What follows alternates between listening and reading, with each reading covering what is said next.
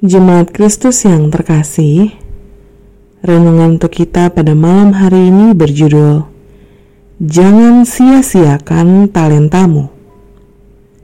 Dan bacaan firman Tuhan diambil dari kitab Kisah Para Rasul pasal 18 ayat 24 sampai dengan ayat 28. Beginilah firman Tuhan. Sementara itu, datanglah ke Efesus seorang Yahudi bernama Apolos yang berasal dari Alexandria. Ia seorang yang fasih berbicara dan sangat mahir dalam soal-soal kitab suci. Ia telah menerima pengajaran dalam jalan Tuhan. Dengan bersemangat, ia berbicara, dan dengan teliti, ia mengajar tentang Yesus. Tetapi ia hanya mengetahui baptisan Yohanes.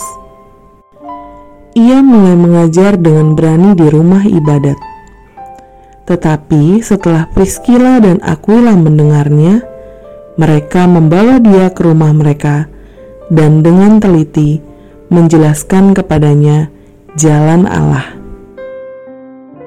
Karena Apolos ingin menyeberang ke Akaya, saudara-saudara di Efesus mengirim surat kepada murid-murid di situ, supaya mereka menyambut dia. Setibanya di Akaya, maka ia, oleh kasih karunia Allah, menjadi seorang yang sangat berguna bagi orang-orang yang percaya. Sebab dengan tak jemu-jemunya, ia membantah orang-orang Yahudi di muka umum dan membuktikan dari kitab suci bahwa Yesus adalah Mesias. Semua orang pasti setidaknya memiliki satu sampai dua kemampuan yang sangat dikuasainya. Terlepas dari standar kemampuan yang disepakati oleh sebuah masyarakat. Sebab masing-masing pasti memiliki kekasannya sendiri dalam mengerjakan sesuatu. Bisa jadi satu hal bila dikerjakan beberapa orang akan memiliki output berbeda namun bernilai sama.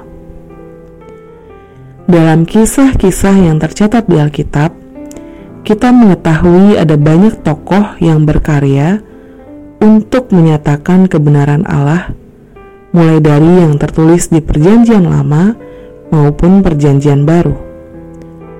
Semua tokoh memiliki konteks, pendekatan, dan cara yang beragam dan khas.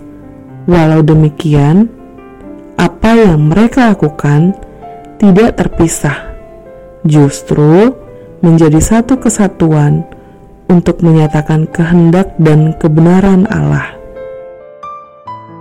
Kita melihat Apolos beberapa kali disebutkan dalam Perjanjian Baru ia tokoh sejaman dengan Paulus.